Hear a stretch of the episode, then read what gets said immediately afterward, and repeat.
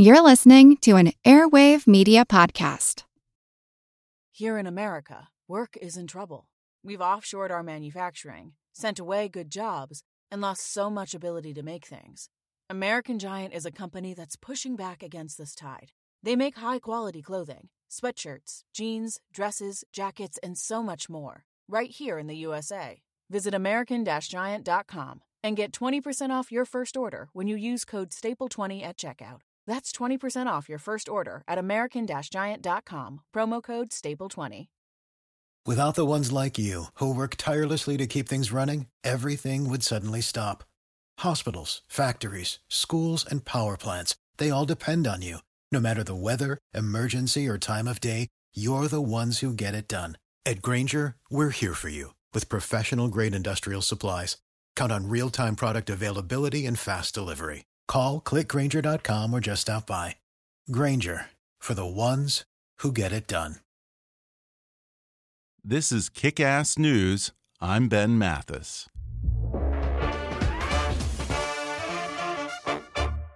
Hi, folks. Just a quick announcement. I'm trying to grow our listenership, so I hope you'll share Kick Ass News with two of your friends this week, or better yet, share it with all of your friends on your social media. And if you'd like to pitch in and become a part of what I'm doing here, then donate to our GoFundMe campaign at gofundme.com slash kickassnews. Whatever you can do to support the podcast is appreciated, and it shows me that you value this little show that I put out every week. Thanks for listening, and now enjoy the podcast. Hi, I'm Ben Mathis, and welcome to Kick Ass News. We all know the blessing and the curse of the Internet. We have the Library of Alexandria many times over available at our fingertips.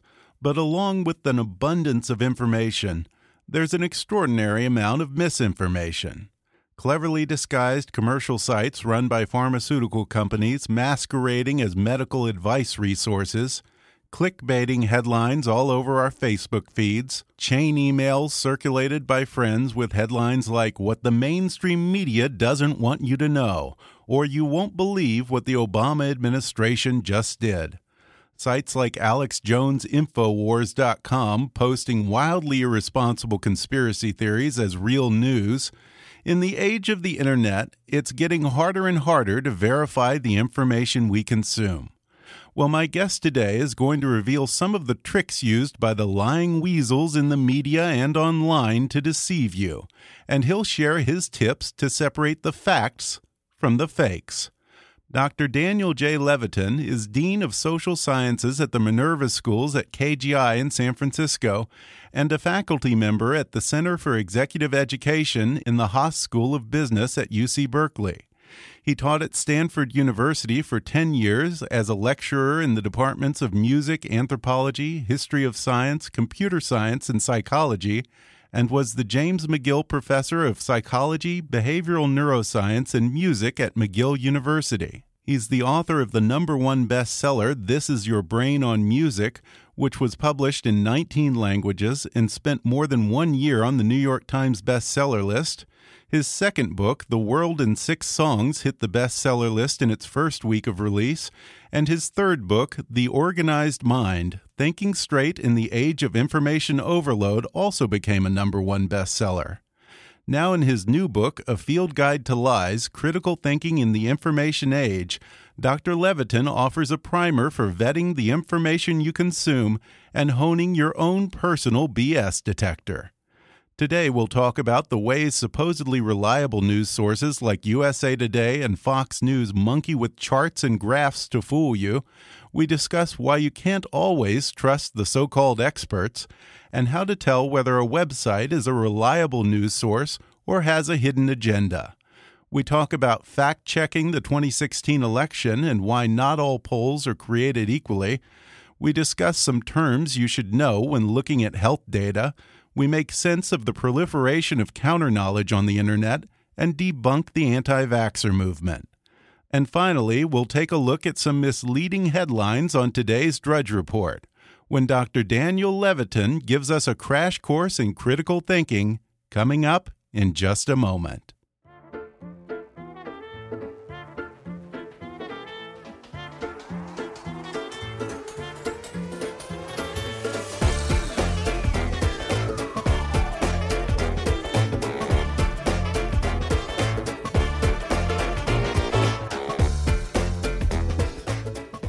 Professor Daniel Levitin is Dean of Social Sciences at the Minerva Schools at KGI in San Francisco and a faculty member at the Center for Executive Education in the Haas School of Business at UC Berkeley.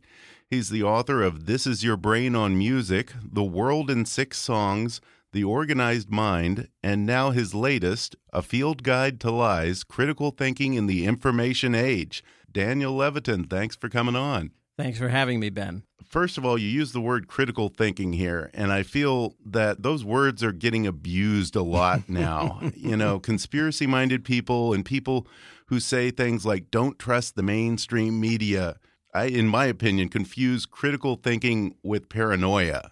Give Well- us a scientific definition of critical thinking. What is it? Boy, a lot of and a lot of words are getting abused these days, don't you think? Yeah. I, I mean, I I ran into a group of uh, people who are part of the truth movement, and as near as I can tell, uh, the people who are part of the truth movement don't believe in anything that's at all objectively true. Oh, yeah. The, what is it? The 9 11 truthers? Yeah, yeah.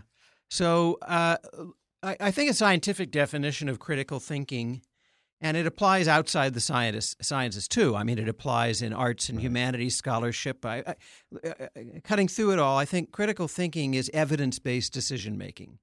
And you acquire the evidence from what you believe, using your best judgment, are reputable sources. Uh, and you hold off your opinion until you get enough evidence in to form an opinion. And I think of it somewhat like a courtroom. You know, if you watch courtroom dramas on TV or, or movies, uh, you know, the judge will rule, I'm sorry, that's inadmissible evidence, right? Yeah. Or a witness comes in and they say, oh, well, I saw that car hit that pedestrian. and uh, it's as clear as day. And then the opposing counsel says, well, how many drinks did you had? Well, 12, you know, and, and isn't it true that you're blind? Well, yes. so now you have an unreliable witness. And it's the same with critical thinking. To apply the same standards of evidence that one would apply in a courtroom Yeah. to the things that they're evaluating in everyday life. Yeah, that's exactly right. What what would be kind of the hierarchy of evidence? Well, so I think first of all, uh, you have to ask yourself: Is the, the person who's reporting this to you reliable? Mm-hmm. Do they really know what they're talking about? And there are several different ways we can unpack that. Um, certainly, there's a hierarchy of news sources. Uh, the, even though people complain about the mainstream media, and now, of course, um, the claim of Trump today, I don't mean to date our, our podcast. Oh, that's all right. The claim of Trump today is that the mainstream media is colluding with the Democrats to rig the election. And, you know, we have such a, I, I don't know that most people understand that the election is decentralized to such an extent. You know, counties have power, states have Right. power. It would be really difficult to rig things at a national level. uh, you could rig them at a local level. Yeah. And arguably that's what happened in JFK's election. But the there are, I think the mainstream media tend to get it right more often hmm than the non-mainstream media. Uh, they don't get it right all the time, but you know, thing, publications like the New York Times are constantly printing retractions and clarifications. They do try to get it right, uh, and then you know, if you if somebody tells you something, you can ask them, "How do you know that? Who told it to Mhm. you?" Um, if you're looking at a graph or a statistic or a chart, ask yourself: Is this even reasonable? Is it plausible? Does it do the numbers add up? One of my favorite examples of this is um, asking yourself, what's really going on with the statistic? Is there more than meets the eye? So you, you probably remember the claim that four out of five dentists recommend Colgate. Yes. Turns out Colgate got sued for this. Uh, it's not because the claim isn't true, but the implication of the claim is that they're recommending Colgate to the exclusion of other toothpastes. Right. And you know, when I hear a statistic like that, I think critical thinking and acting like your own judge and jury uh, in a courtroom would would make me respond. Well, first of all, who are these dentists? Do they still have their licenses? Yeah. Are they on the payroll of Colgate? Where did the Colgate folks ask five of them, and we're looking at literally four out of five, or did they ask five hundred, and we're looking at four out of 500, 400 out of five hundred? Uh, but then the next question I want to know is, uh, what were they asked? These dentists, It turns out in this particular case, they were allowed to recommend as many toothpastes as they wanted. so four out of five of them recommended Colgate, but they also recommended Crest and a bunch of others. So the claim, although it's technically true, the implication is a little bit off. Right. It's a, a lie by omission, I guess. I, I, would, I that, would say, yeah. Would that be an Yeah. accurate description? Yeah. Thank you. Um, it's hard though for the average person because when we see something like that, we assume that there are controls in place, there are regulations and so forth to make sure that the information that we're seeing in an ad or whatnot is accurate. We we rely on the FDA and Right, and the and the Federal Trade Commission. So in America and in, in the UK, uh, you can't advertise something falsely without Yeah. running afoul of the FTC uh, or the the F, uh, uh, FCC. yeah. Um, and depending on what you're claiming, the Food and Agriculture, you know, Commission uh, gets involved. Uh, FDA, um, Food and Drug Administration. But um, yes, what what does the average person do? Well, I- think that if the claim is specific, um, you know, four out of five dentists were asked which toothpaste they preferred Uh huh. right? Then then you know you've got something. If the claim is vague, you should be suspicious because Okay. somebody might be trying to put something over on you. C-SPAN claims that they are available to 100 million viewers. Okay. Now I'm trying to think how many 100 million viewers. How many people are there in the world? Well, there's 7 billion people in the world. Okay, so that's a credible claim then. There's 380 million or so in Yeah. the United States. Yeah. Uh, so, but it's a credible claim. But what exactly does that make you think? That a lot of people are watching C-SPAN? It might lead one to believe that they're regularly watching C-SPAN every Right. every week or Right. every day. But they use the word available. It's available to 100 million people. Oh, That just means that 100 million people, if they call their cable company and ask for it, could subscribe to it. okay. Wow. I mean, my book is available to about 5 billion people, as far as I can tell, because it's 5 billion people are within 100 miles of an interconnection, a, a train depot, a bookstore. yeah. Particularly with regard to medicine, you talk about health reporting statistics and the difference between the words incidence rate and prevalence rate. All and that's kind of a useful example of that. I don't think that most people even know the difference. Well, and, the, the problem is if you don't know the difference, you can get hoodwinked by a drug company or a, Mhm. a, a medical claim uh, or product. So the incidence rate is the number of new uh, counts we have per year. So if we're talking about the incidence of stomach cancer, uh, the incidence of psoriasis, this is how many new cases are reported in a year. The prevalence is how many people already have it. Uh, And it makes a difference, So right? that could be, yeah. I mean, anyone that's alive and has the particular disease, That's part they may of have the had it for 30 years. Uh, well, exactly. okay. So if you're looking at an epidemic, it shows up in the incidence rate Mhm. first. If you don't understand the difference, you could be misled to thinking that there's a higher chance of you getting a particular disease than there really is, Yeah, exactly. or, or that it's growing. Or that it's fatal. Yeah. I mean, you know, uh, prostate cancer has been in the news a lot. Mhm. Uh, men over 50 are likely to have it. hmm Men over 70 almost certainly have it, but they don't die from it. They they die with it rather Yeah. than from it because in most cases, not all, but in most cases it's benign. So there's a case where the prevalence rate um, can help reassure you that you know finding out that you have it is not a death sentence.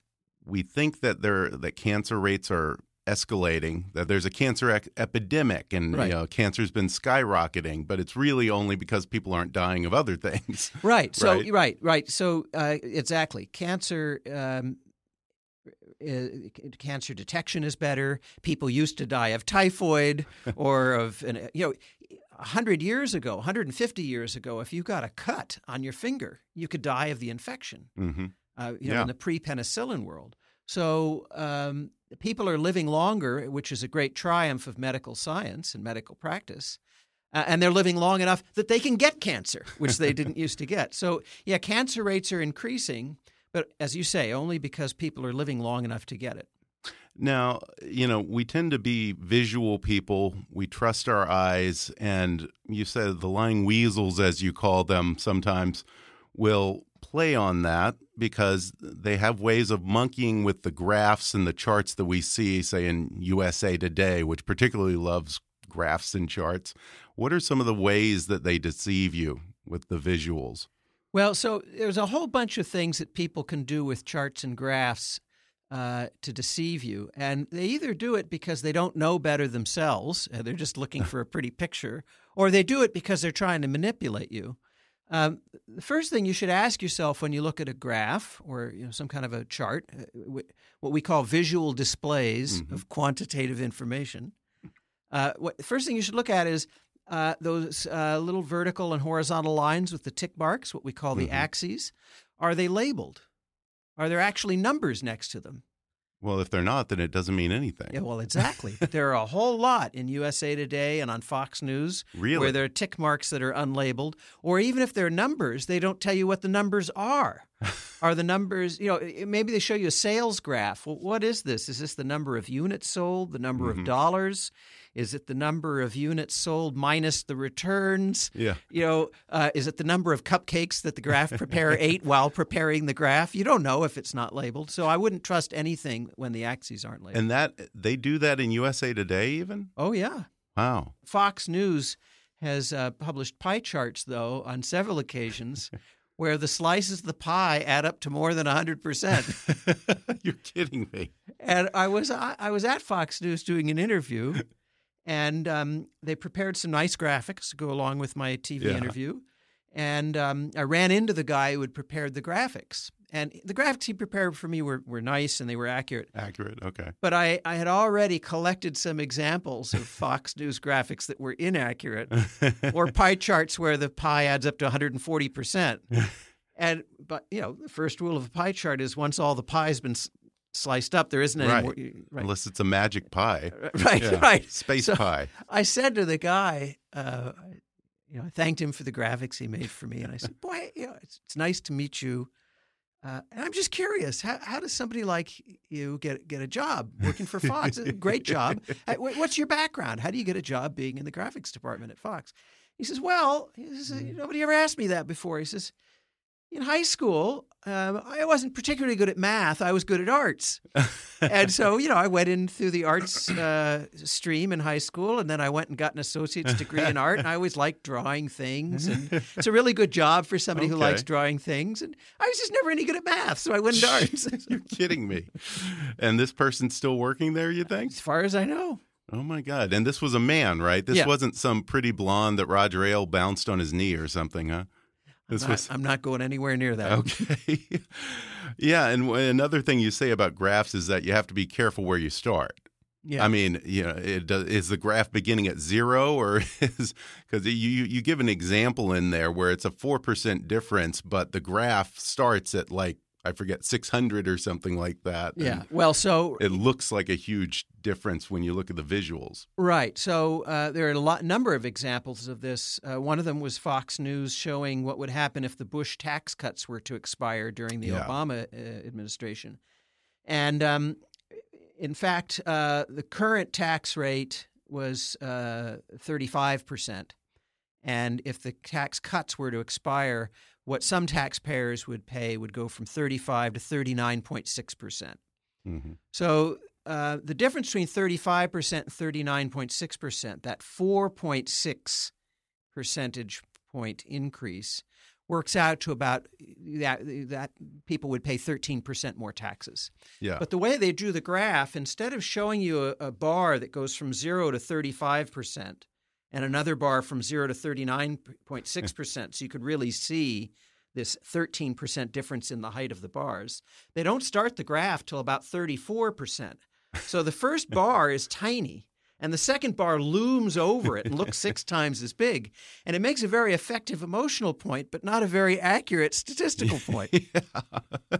What makes someone a credible expert on a particular topic? Getting back to your courtroom analogy, Ben, um, it turns out that you know, a lot of courtrooms will bring in a so called expert, and that person isn't really expert. Right. And so, to answer your question, how do we know if somebody is an expert? I'll tell you, expertise tends to be very narrow and domain specific. Mm-hmm. So, you can't just bring in a physicist.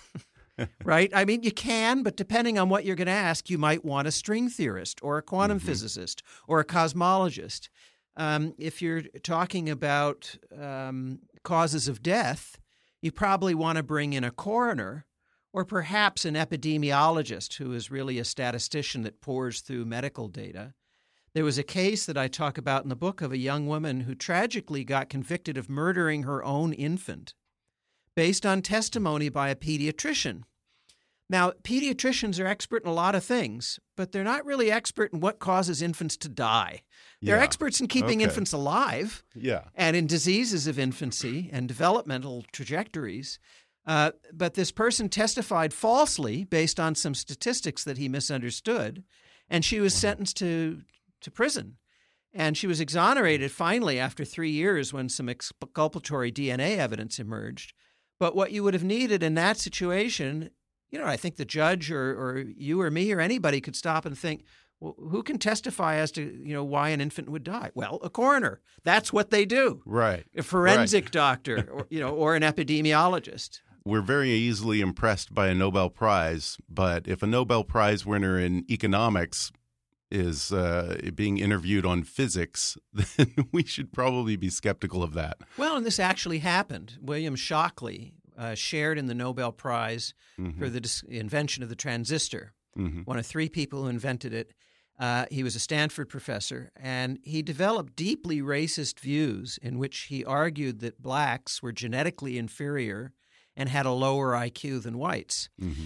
And he got some traction with these offensive arguments, I believe, because people thought, oh, well, he's got a Nobel Prize in physics. He must be smart.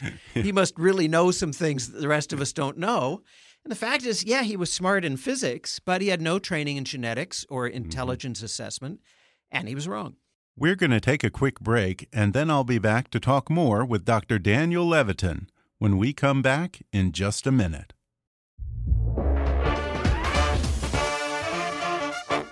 If you're enjoying today's episode, you'll like A Field Guide to Lies Critical Thinking in the Information Age by my guest today, Dr. Daniel J. Levitin. And right now, you can download the audio version of his book for free with a special promotion just for our listeners from audible.com. Just go to audibletrial.com slash kickassnews for a free 30-day trial and a free audiobook download, which can be a field guide to lies or any of Audible's 180,000 titles.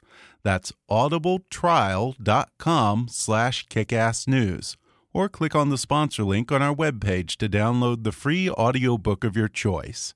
And now, back to the show. In the book, you talk a lot about online news sources. And I mean, it's so hard to evaluate the, the, the just the enormous amount of information being thrown at us on social media and in Google searches. How do you evaluate an online news source? Yeah, so um, particularly if you're trying to evaluate scientific or medical information, Mhm. um, you want to steer clear of, well, you, you want to be appropriately and suitably skeptical about a dot com, Okay. which is a commercial site. So let's take a, a concrete example. Suppose that you're wondering whether almonds um, bestow health benefits. You, you read something in Ladies' Home Journal that eating more almonds is going to be good for you.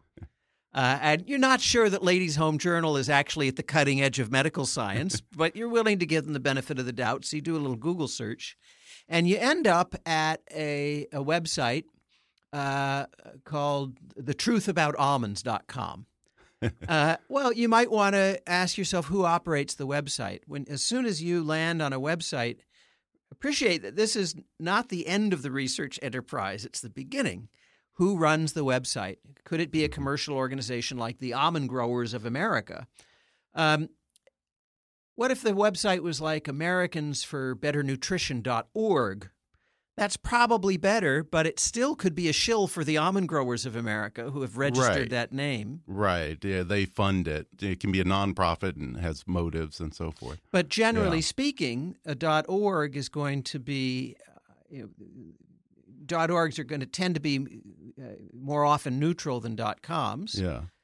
.edus are educational uh, organizations, 501c3 nonprofit educational, usually universities. hmm The .edu isn't foolproof, but if you read a scientific or medical finding that's come out of a research lab that's at a university, uh, in most cases, researchers are required to divulge any financial uh, conflicts of interest if they were paid by the almond growers, for example. um, and their papers have gone through peer review in most cases. Okay. So a .edu is usually a good thing. Okay. .gov is good if Centers for Disease Control, CDC.gov, .gov, the FDA.gov, Okay. uh, NIH, National Institutes of Health.gov. Those are going to tend to give you neutral um, information about Okay. about medical and health claims. Now, Sounds like a lot of work. I know it? that's the problem. It does sound like a lot of work, and you know nobody has time to verify all these things.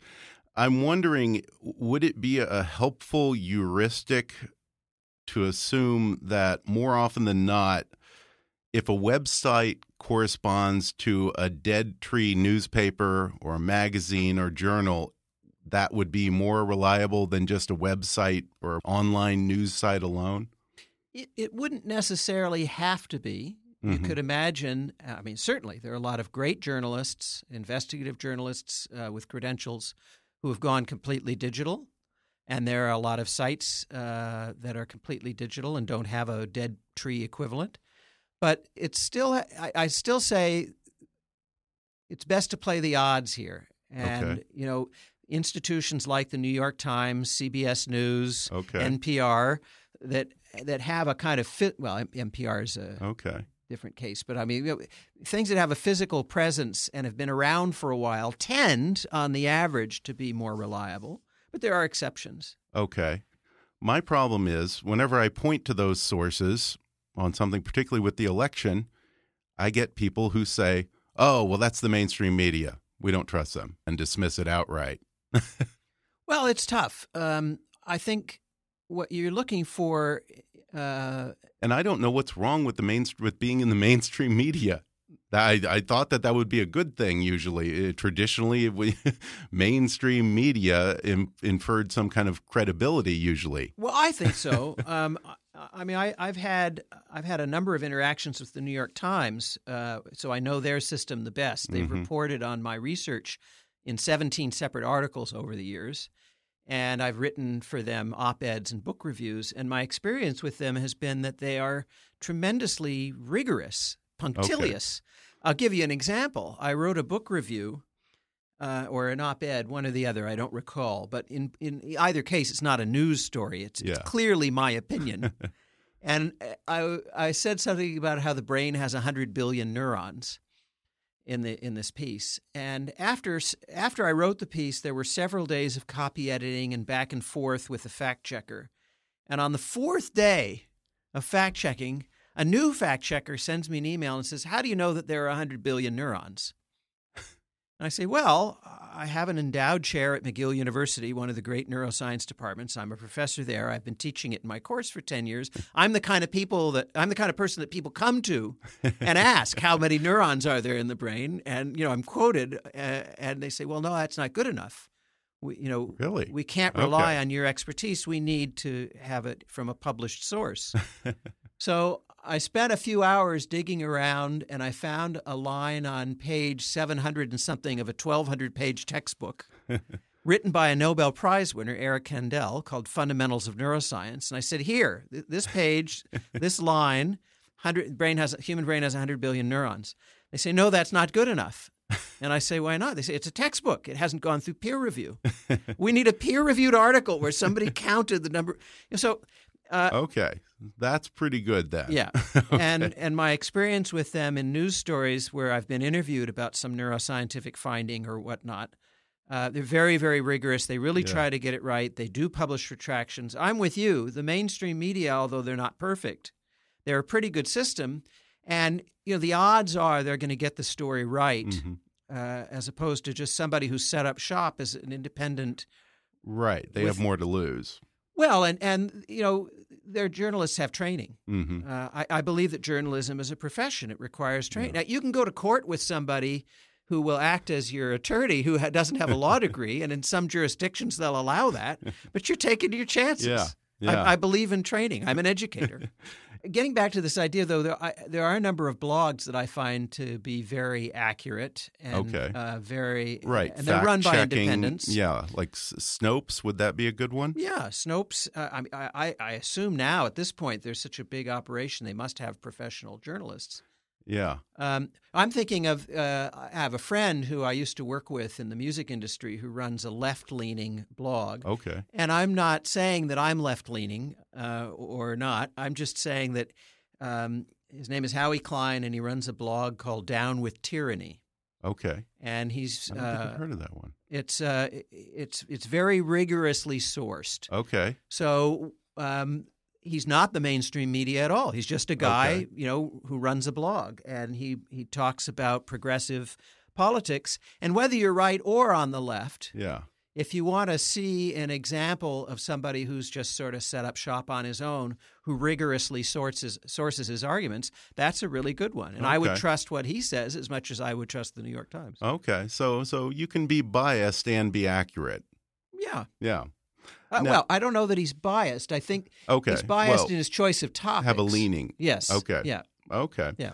Now, you know, I want to talk about polls. Not all polls are created equal. What are some of the things that you look for in the polls that you're seeing this election? Well, the very first thing you want to see to see is whether they report a margin of error or not.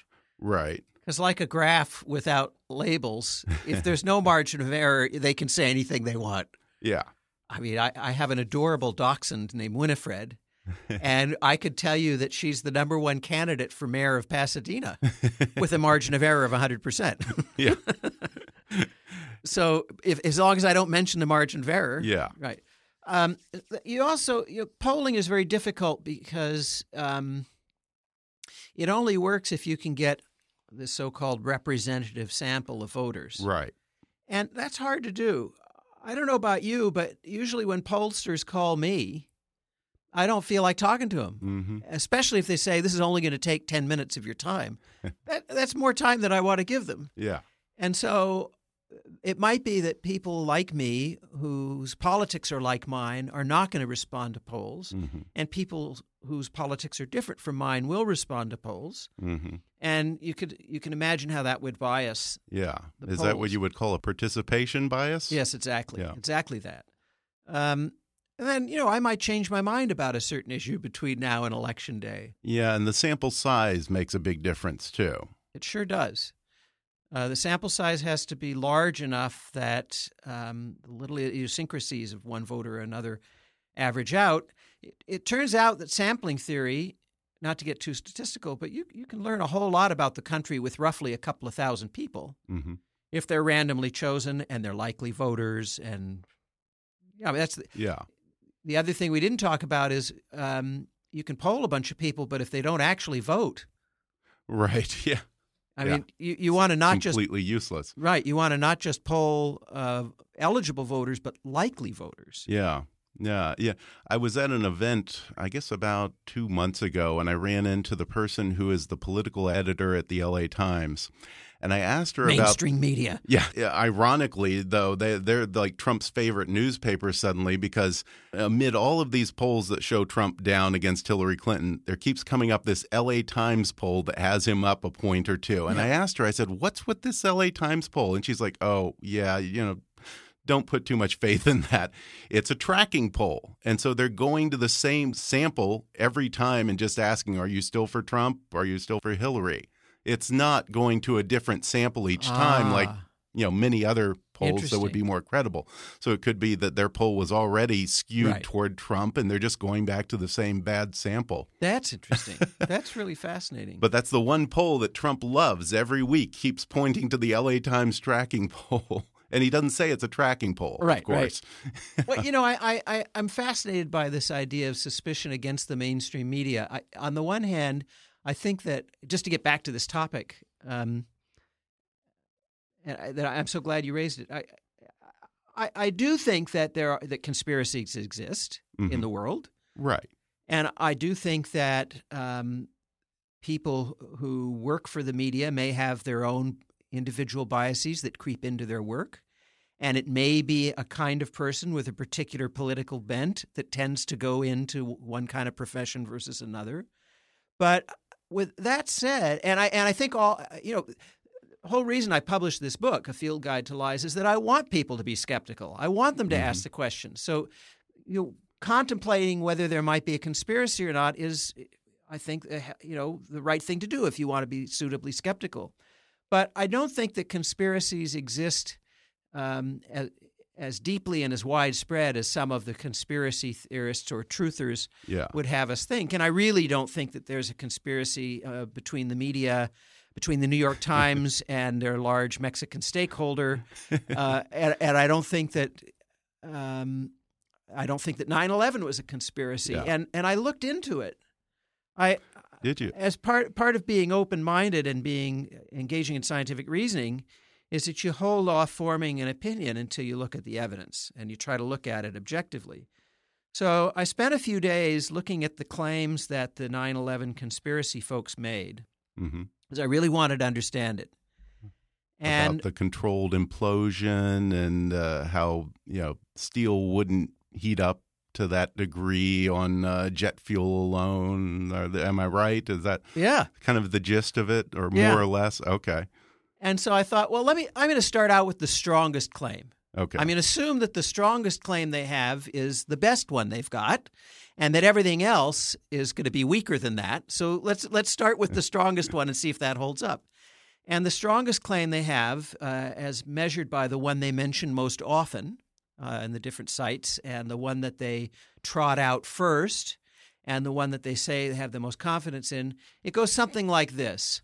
If you look at the video of the towers collapsing, they collapse in a rather odd way. Isn't it odd how they just sort of fall onto themselves? hmm Uh, and that's not the way a building would collapse if a jet plane full of jet fuel um, hit them at that velocity and at that angle.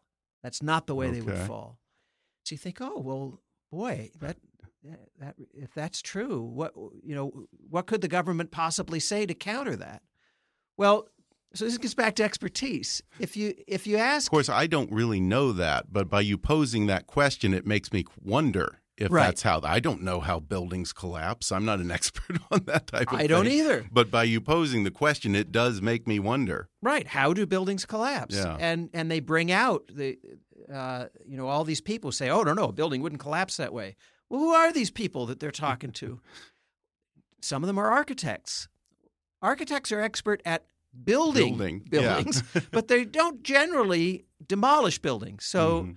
um, I don't know that an architect is the appropriate expert.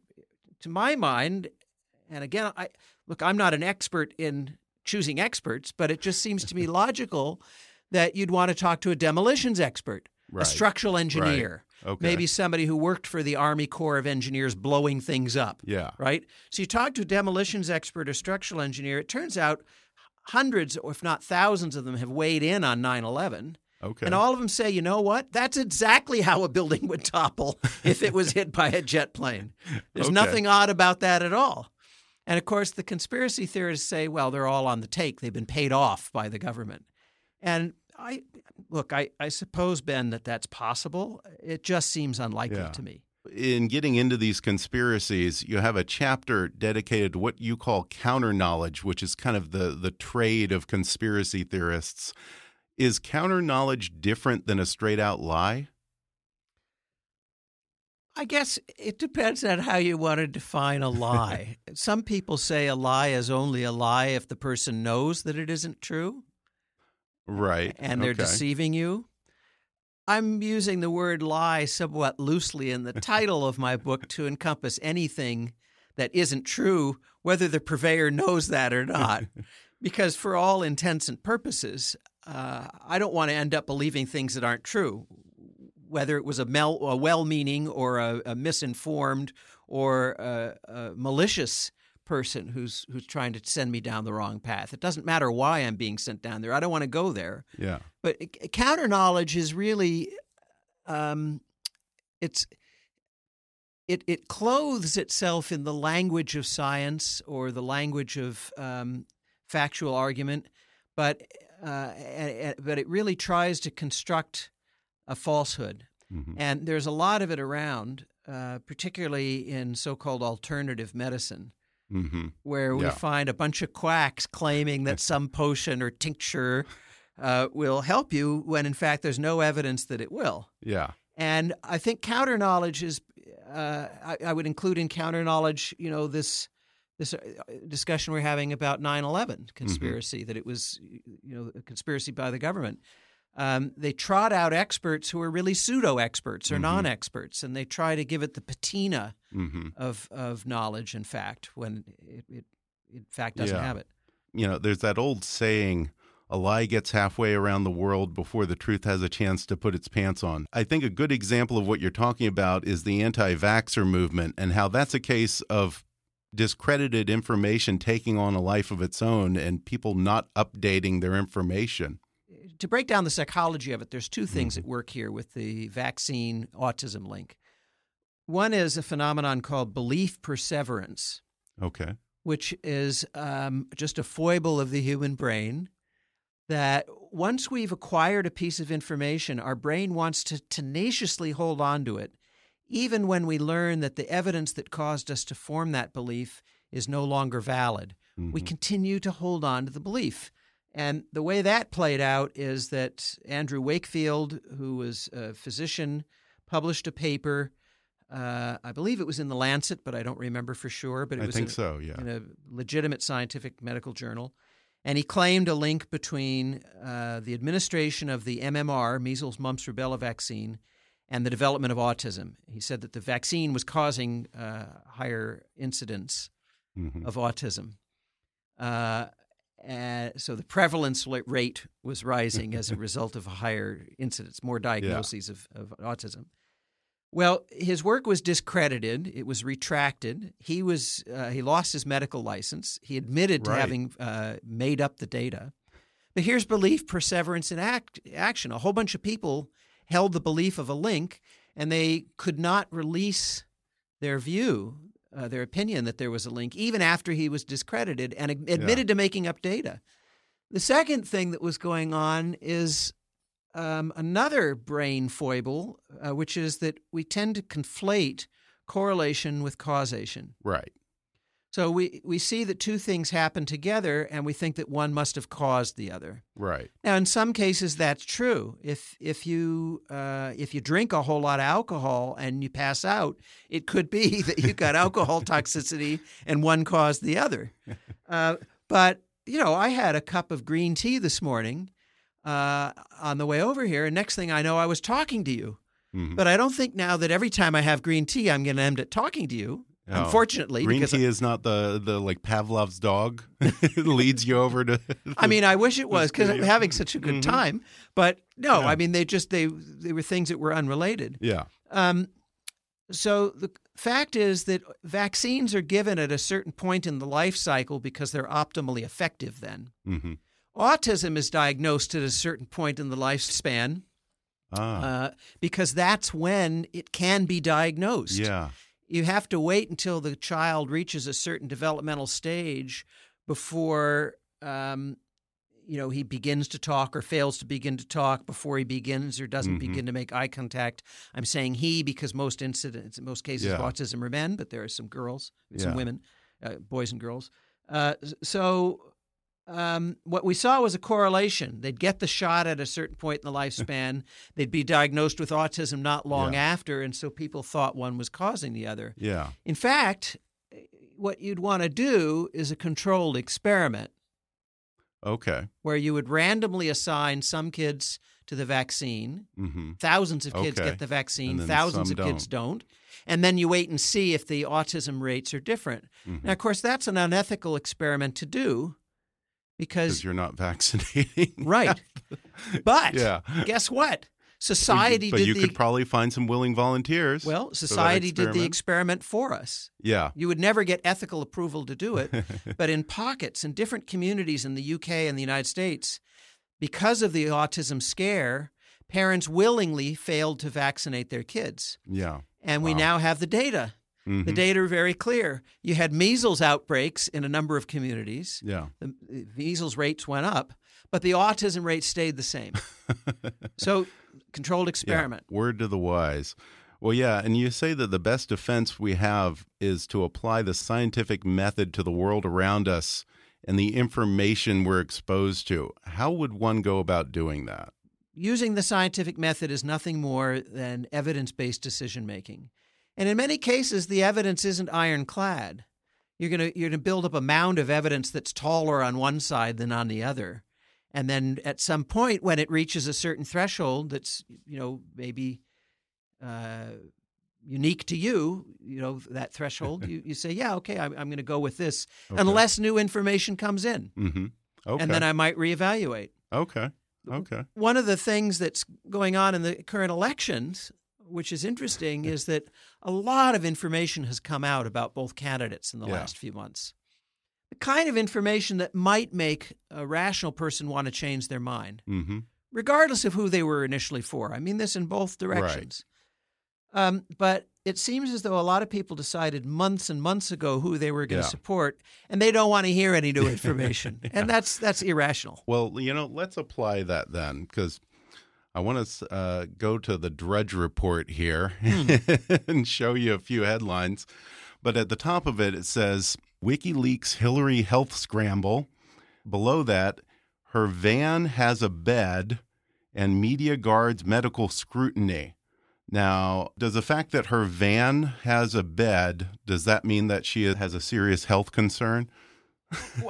I don't- so this is this is a kind of argument, you know, when you, when you study debate or rhetoric, you Yeah. know, in college, this is the kind of argument where you it's it's meant to imply something that's unstated, right? Yeah. Which is okay. Only somebody with a health problem would need to have a, a bed in their van. Right? Yeah.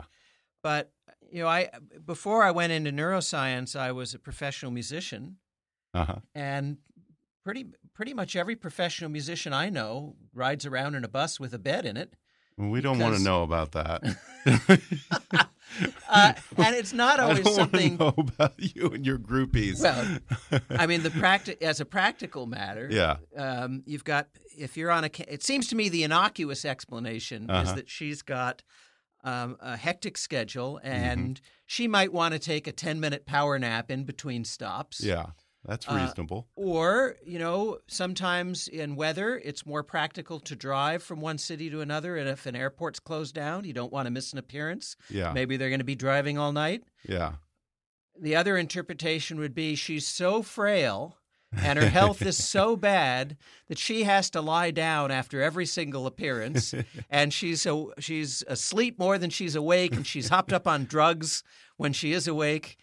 I mean, the, the, the very existence of a bed, I don't think tells us anything. Yeah. It's all speculation. But it's uh, that headline is placed in between the headline WikiLeaks Hillary health scramble and media guards medical scrutiny. so, what else are we left to assume?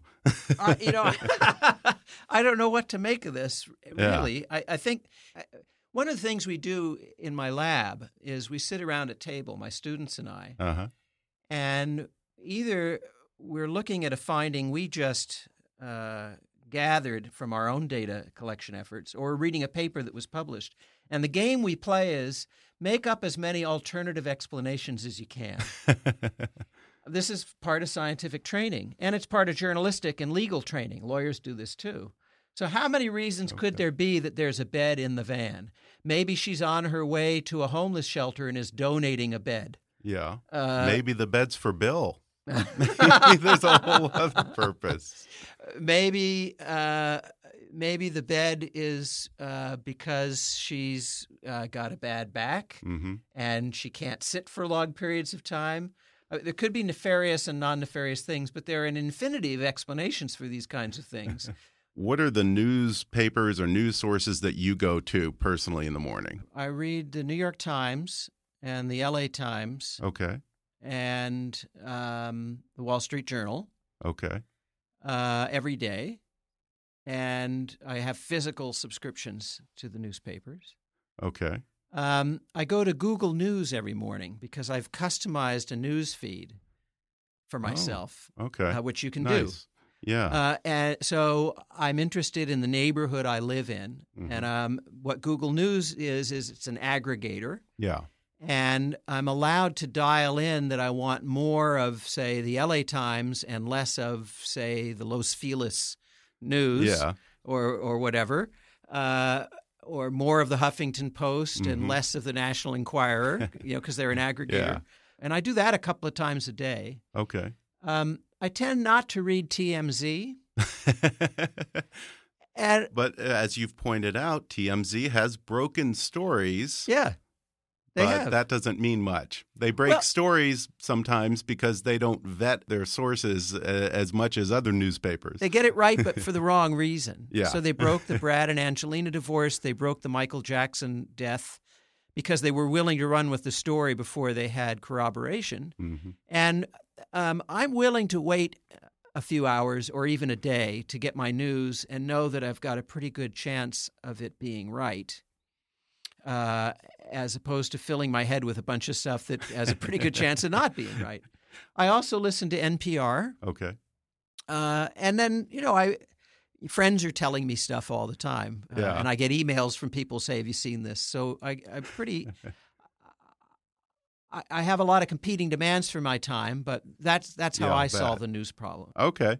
Well, do you have a website, Dan? DanielLevitin.org, Okay. Well, and we try to give away all of our scientific findings there for free. Terrific. Well, check it out, folks. Again, the book is called A Field Guide to Lies Critical Thinking in the Information Age. Professor Daniel Levitin, thanks for joining me. Thank you, Ben. Thanks again to Dan Levitin for joining me. If you enjoyed today's podcast, then you can order his new book, A Field Guide to Lies Critical Thinking in the Information Age, on Amazon, or you can also download the audio version for free through that special trial offer just for our listeners at audibletrial.com slash kickassnews. Keep up with Dan Levitin on his website at daniellevitin.com and follow him on Twitter at, at. That's spelled L E V I T I N. Be sure to subscribe to Kickass News on iTunes and leave us a review while you're there. You can visit Kickass News on Facebook or follow us on Twitter at, at KAPolitics. And please be sure to recommend Kickass News to your friends on your social media. And if you really want to help out, then donate to our GoFundMe campaign at gofundme.com slash kickassnews. As always, I welcome your comments, questions, and suggestions at comments at kickassnews.com. For now, though, I'm Ben Mathis, and thanks for listening to Kick Ass News.